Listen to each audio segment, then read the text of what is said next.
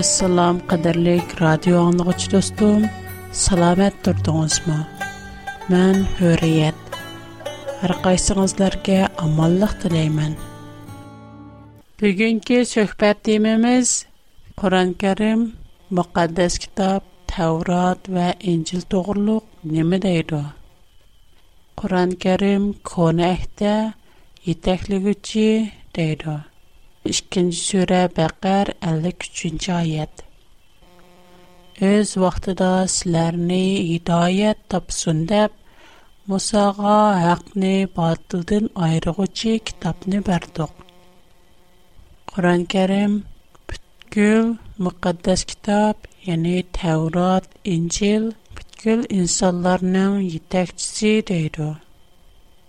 2-ci surə Bəqər 53 159-нчы аят, 3-нче al ал 3-нче аятларга карап Bu kitapta kişilerge toğra yolunu enik bayan kılığınımızdan keyin biz nazil kılgan roşen delillerini ve toğra yolunu yuşuruduğallarga Allah lanet kılıdı. Lanet kılgıçlar mı ularga lanet kılıdı. ilgiri kishilarga yo'l ko'rsatkichi qilib Tevrat bilan injilni nozil qilgan edi. Qur'on-Karim muqaddas kitob Tevrat, injilni o'zingizga yetakchi qiling deydi. 23-sura Mu'minun 49-oyatga qarab boqaylik. ularni hidoyat topsin deb biz həqiqətən Musağa kitab ata qıldıq. Demək, əgər onu özünüzə yetəkçi qılsınız, siz hidayət tapsınız. Müqəddəs kitab Tevrat, İncil həqiqət. Şuna Allah bizning müqəddəs kitabqa əgəşişimizni xalaydı. 2-ci surə Bəqər 87-ci Шек шухбисіз ки биз Мусаға китаб бардук. Онандын кин арқыму арқа пайгамбарлар аваддук. Мариям оғли Исаға мөйчізлер бардук. Хамда они рухил қудос білян юйлудок. Арқа чан бирар пайгамбар көңніңларға яхмайдыған бірнерсе еліп көлсе текабурлу Мушу сүрді улар, яни Муса, Айса ва башка пайгамбарлар немелеп келди? Улар Аллаһның хакыикаты булган Таврот ва Инҗилне алып келди. Бирок улар хакыикатка ишенишнең орныга кавырлык кылып, уларны инкар кылды. Шу сүрі 146-нче аят мондак дейдер. Biz kitob berganlar uni o'z o'g'illarini tunigandek tunaydi. Ularning bir bir qisi shubhasizki haqiqatni bilib turib yushirdi. Mushoyatmu Tavrat Injilning haqiqat ekanligini, ammo ba'zi kishilarning hakovurlik qilib haqiqatga agishishning o'rniga ularni inkor qildiganligi ularning haqiqatligini aniq bilsimi biroq ularni qubul qilmaydiganligini aytadi yana shu sura bir yuz yetmish to'rtinchi oyat bir yuz yetmish oltinchi oyatda mundoq deydi alloh kitobda nozil qilgan narsalarni yoshiradigan va uni oz pulga sotadiganlarning qornig'igini faqat o'tdir qiyamət günü Allah onlara söz qılmaydı. Onlarını paxlamaydı. Onlar qattiq azabqa düşər buldu. Bu şunun üçün ki, Allah həqiqətən haqq kitabını nazil qıldı. Kitab doğrusunda ixtilaf qılğıçılar çoğunqur nizadıdır. 213-cü ayət İnsanlar bir ümmət idi. Allah xoş xəbər bərgüçi, agahlandırğıcı peyğəmbərlərini əvətdi. Kişilərinin ixtilaf qılışqan nərsləri üstüdə hökm çıxırış üçün ularga haq kitabını nazil qıldı. Bu ayətlərinin həmmisi bizgə birlə nərsini etib burdu. O bolsumu Tevrat, İncil, həqiqət. Allah bizning uningga əgişishimizni, shu bo'yicha ish ko'rishimizni umid qildi xohlaydi biroq ko'plagan kishilar uning haqiqatligini bilib turibmi uningga ergashmaydi hakavurlik qilib ularni inkor qiladi mana bular qattiq azobga duchor bo'lganlardir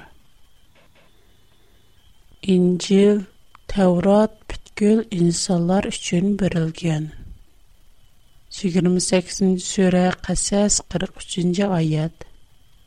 Шыхпсіз ки, біз, илгер ки, үмметләрні халак кулғандин кин, кишіләрнің дыларға нор біріп, уларни хидаият ва рахмэт қылдық. Улар вәз ләсият алсун деп, Мусаға китабни бәрддуқ.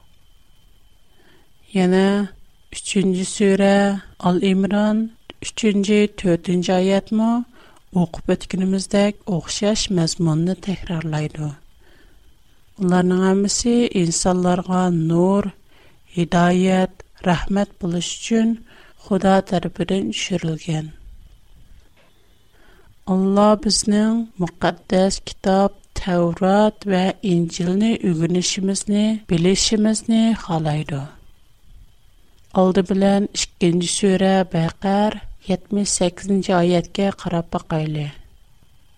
Onların savadsızları kitabını oxumaydı. Oydırmını la bildi, guman bilən iş qılıdı. Bu yerdə Xuda müqəddəs kitabını bilməyidiğən, oxumaydığanlarını guman xorlar dəb əyibləydi.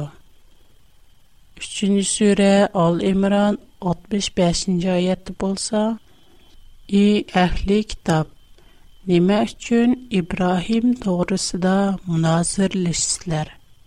Halbuki Təvrat bilən İncil İbrahimdən keyin nazil boldu. Düşünməmsizlər? Müşayətdə Xuda bilimsizlərini əyibləyidir. 79-cu ayət bolsa, Allah birər insanğa kitabni, hikmatni, payg'ambarlikni bergandan keyin uning kishilarga Allohni quyub menga banda bo'linglar deyishi loyiq bo'lmaydi. Va lekin kitobni o'rgatganlikinglar, o'qiganlikinglar uchun Rabbani bo'linglar. Bu oyatning ma'nosi kitobni yaxshi o'gining va o'giting. Muqaddas kitob Тәурат вә Инджилне терешип үгініш керек. 6-чы сүре, ам 155 155-156-чы аят. Бу биз насил кылган мүбарак китаптор. Алланың рәхмәтенә үмид кылгочылардан булыш өчен, ононга әгис чиңнар, сакланаңнар. Сизләрнең фақат бездән илгәрге ki taipigla kitap nazil qilingan ularning o'qigan kitoblaridan bizning zodila xabarimiz yo'q demasliginglar uchundir yigirma to'qqizinchi sura ankabut ellik birinchi ayat qur'on muqaddas kitob tavrat injilni o'ginishga so'lig'ichi ogohlantirg'uchi askartgichi deydi bu surəni көріп өтәйлі. Біздің саңа ularga tilovat qilinib turdigan kitobni nozil qilganligimiz ularga kifoya qilmadimi bu kitobda iymon aytgan qavm uchun shak shubhasiz rahmat va vaz nasihat bor uchinchi sura ol imron bir yuz sakson to'rtinchi oyat ular seni yolg'onga chiqargan bo'lsa səndən ilgiri ötən möcüzələri, kitabları və nurluq kitabını elib gələn nurgun peyğəmbərlər mə yalğanğa çıxırılğan idi. Məşu ayətin mənası burunqi müqəddəs kitab Tevrat, İncil insanlar üçün nurluq kitab u kishilarga nur beradi deydi 35-нче сүре Фатир 25-нче аят 28-нче сүре Касас 43-нче аятлармы оқшаш мазмунда. Уларның һәммәсе Мөхәддәс китап Таврот ва Инҗил нурлык китап дейди. 2-нче сүре Бәкәр 213-нче аят uning ma'nisi muqaddas kitobni oldi bilan o'rgangandila to'g'ri yo'lga mong'ili bo'ldi deyilgan bu yerda yana bir eng muhim nuqta bor u bo'lsinmi o'n uchinchi sura raid qirq uchinchi oyat faqat muqaddas kitob tavrot injil bildiganlar muhammadga guvohlik beralaydi biz мушаятны оқып чыгайлы. Мекке куфарлары сән пайгамбар әмәссән дейду. Әйткен ки, растлыкымға сілер білән менің отырамда Алланың гуалықы вә Алланың китабыны білдіғаларының гуалықы етәрлік тұр. Алланың китабыны білдіғалар кемлер? Әлбәтті, әх китап, nurluq kitob muqaddas kitob Tevrat və İncil verilənlər Faqat Tevrat və İncilni bildiganlar Muhammed üçün guvalıq biralaydı. Onu ras deyalaydı. Əgər əgər biz müqəddəs kitab Tevrat və İncilni bilməsək, Muhammed üçün heç qandaq guvalıq bira almayız. Həm um, İncil, Tevrat bilmeyenlerin Muhammed için guvalık beriş salayeti yok. Mana bu ayet bizge mukaddes kitap, Tevrat ve İncil nicatlıqның asası işgəlikini körüstüb birdi. Buruğun nurğun ayətlər arqılıq, Qur'anның Tevrat və İncilini təsdiqlaş üçün, guvahçı buluş üçün, onu qoğdaş üçün kəlgəlikini, Әмма Таврат Инҗилнең булса, хакыйкать, тугры, нур ва һидаят икәнлеген күреп үткән. Шуңа Муша аят безгә Мукаддас китап Таврат ва Инҗилнең ниҗатлык асасы икәнлеген күрсәтеп бирде.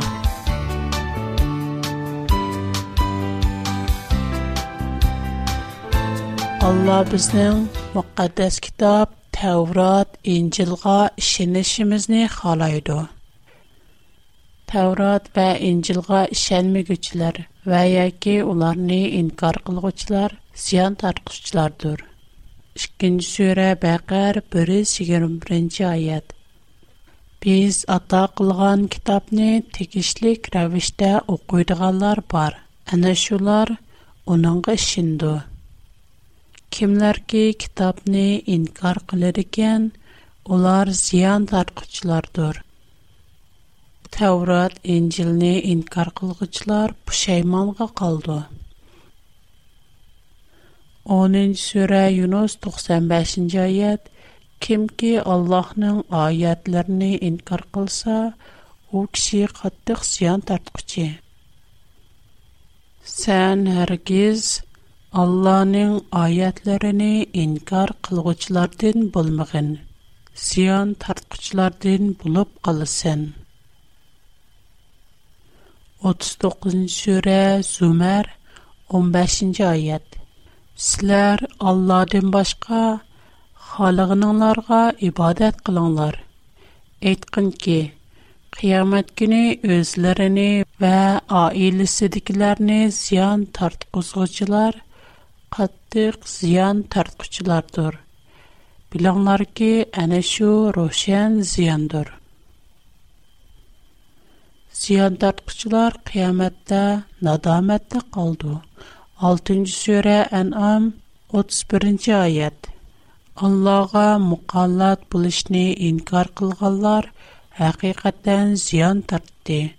Қиямет туюксыз келген чагда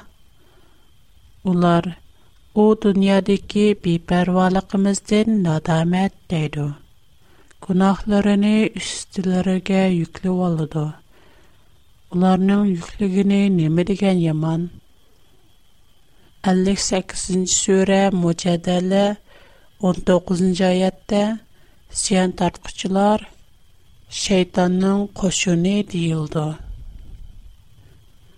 ularning ustidan shayton g'alba qildi ularga Allah'ның zikrini unutuldurdi. Ular şeytanның qoşunudur. Bilіңlar ki, şeytanның qoşunu ziyan tartqıçılardır. 8-ci surə Enfal 37-ci ayətdə ziyan tartqıçılar dozaqqa taşlandı. Allah'ın kapırını mümindin pərəxləndiriş üçün Allah həmmə kapırlarını üstü-üstügə dövüləb toplağanın kin dozaqqa taşlaydı. Ənə şular ziyan tartqıçılardır. Müqəddəs kitab Təvrat və İncil qışənməyənlər qatlıq qazabqa duçar boldu. Cəzalandı. Biz 5-ci surə Maidə 59 oyat va 29 sura Ankabut 46 oyatni o'qib bitimiz. Ey ahli kitob, faqat bizning Allohga bizga nazil qilingan kitobga, buningdan ilgari nazil qilingan kitoblarga iymon etganligimiz uchun va sizlarning ko'pchiligingiz fasiq bo'lganligingiz uchun bizni ayblamsizlar әхли китап белән әң чирайлык рәвештә муназирлешиңнар. Әйтүңләр ки, безгә назил кылынган китапка ва сезләргә назил кылынган китапка иман әйттек. Сезләрнең илаһиңнар ва безнең илаһимиз бер тур. Без Аллага буйсынгычларбыз. Мен буларның һәммәсе Аллаһның bizni muqaddas kitob Tavrat va Injilga ishonishimizni xohlaydiganligi, muqaddas kitoblarga ishonganlarning to'g'ri yo'lda ekanligini aytadi. 8. Allah bizning muqaddas kitob Tavrat, Injilning bir qismini emas, balki butun kitobni qabul qilishimizni xohlaydi. Müqəddəs kitab intayin mühim. 6-cı surə An'am 154-cü ayət mındaq deyir. Hər bir nərsini təfsili bayan qilish, hidayət qilish və rəhmət qilish yüzüsüdən Musağa kitab ata qıldıq. 2-ci surə 85-86-cı بر قسم آیات لرنه این کارقلقلار قطع جزالندو دیلگن. پسر نی کرب تیله. سلر کتاب نن بر قسم احكام لرگا شنب инкар قسم احكام لرنه این کارقلم سلر. سلر دین شند قلقلار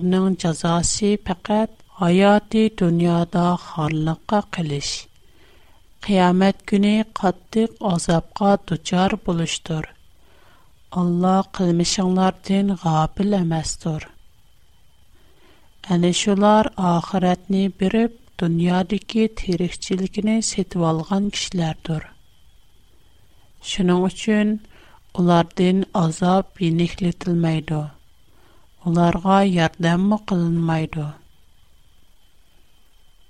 3-нче сүре Ал-Имран 119-нчы аятның мазмуны мондак: Мусулманнар христианларны яхшы күрде, дост булды ва бүтән мукаддас китапка ишенде. Силәр уларны дост тутсызлар, китапка ишенесезләр. Яна мукаддас китап Инҗилнең Мәтта баян кылган хош хәбәр кысымы 5-ci bab 43-44-cü ayətdə mündaq deyilgən. Xoşdağını, özəğini söygəndək söy. Düşmününü mu söy. Sini qıstıqalar üçün dua qıl. Allah bizning muqaddas kitobning biror parchasini yoshirishimizni xohlamaydi. 3-sura Al-Imron 187-oyat. Өз вақтыда Алла китап берилганлардан китапны кишләргә чоқым баян қилиб беришкә ва юшырмаслыкка әһд алды. Ләкин буни улар аркысыга чөөрәтте ва уни азгына бәдәлгә тигиште. Уларның тигишип алгыны неме дигән яман. ئىككىنچى سۈرە بەقەر بىر يۈز بىر 174 ئالتە بىر يۈز ئەللىك توققۇز بىر يۈز يەتمىش تۆتىنچى ئايەتلەرمۇ muhammad dal yahudilar tarafidan yoshirilgan haqiqatni jamoatga oshkorlash kishilarga bayon qilish uchun avatilgan buni 5 sura maida 15 oyatdan ko'rib olaymiz И әхли китап. Сләргә сләр китапта юшырган нургын нәрсләрне баян кылып бирдиган ва нургынны кечүрдиган Расулымыз келди. Сләргә Алла тарафыдан нур ва рошан китап келди. 9 Qur'on, müqəddəs kitab, Tevrat, İncilğa şahid buldu. Onlarga guvalıq burdu. Onu təkrarlamaydı. Onu inkar qılmaydı. 35-ci surə Fatir 31-ci ayət və 10-cu surə Yunus 37-ci ayət. Саңа біз вәхи қылған китап әқтұр. ilgirki kitoblarning isbotlag'ichidir bu qur'onni birovning allohga ibtiro qilishi aqlga sig'maydi lekin qur'on ilgari kelgan kitoblarni tasdiq qilg'uchidir alloh belgilagan ahkomlarni bayon qilg'uchidir uningda hech shak yo'qdir qur'on tavrat va injilga guvohlik burdi ularga şahit buldu degan məzmunda. Guvalıq biriş degenin mənisini düşünüb görsək, guvalıq biriş, itiraf qilish, cəzimləşdiriş, küçəytiş, ilhamlandırış, isbatlaş, kabalət qilish, eniqlaş, paket, qanunluq ikənligini isbatlaş, şahid buluş, tästläш və küçəyt diş diгән мәнәләрне күрсәтә дә. Şәһид булу, şәхед галы хырыш, бер хисмәткәрнәң роли. Булар неме дигән? Мөһим мөкъаدس китап Таврот һәм Инҗил бер-берчә хәт укса, Куръан гоя шу хәткә бесилган тамға булып, шу huquqliq ekanligiga isbot berdi. Kishilar xatni o'qiydi va uningdan ko'p narsalarni bildi. Uning huquqi bo'yicha ashu xatning talabi bo'yicha ish ko'rdi. Ammo tamoq bo'lsa kishilarga ashu xatning muhimligi, huquqini namoyon qilib turdi. u xatdin ustunroq emas chunki tamg'ining o'zi hech qandaq ma'na yo'q chunki tamg'ining o'zi bizga hech nimani ko'rsatib tushundirib berolmaydi faqat shu xatning muhim huquqliq ekanligini namoyon qilib turdi xolos xatni ko'rguchilar uchun eng muhimi xatning mazmuni xatdagi so'zlar chunki xatda xatni ko'rgich uchun nurg'un бишарәтләр, нургын нәрсәләр язылган. Хатны күргүче тамгыны күреп, шу буенча эш кыламайды, чөнки тамгыдан у фақат хатны исбатлаш, хатның хукуклык икәнлегене намаян кылыш. Тамга хат эмас. Тамгыдан һеч кандай хатны күрә алмыйбыз. У фақат тамга. Әмма хат булса, дәл хатны көргүченең бишарыты. Таврат белән Инҗил хак нахакка хөкем кылды. Буны 21-нче сүре Анбия 48-нче аятын күрә алабыз. Таврат Инҗил яна һәммә нәрсәне сора кылды. 5-нче сүре 43-45-ci ayətə qarab baxaylı. Biz həqiqətən Tevratni nazil qıldıq. Tevratda hidayət və nur var. Boysunğan peyğəmbərlər Yahudilar arasında hökm qılıdı.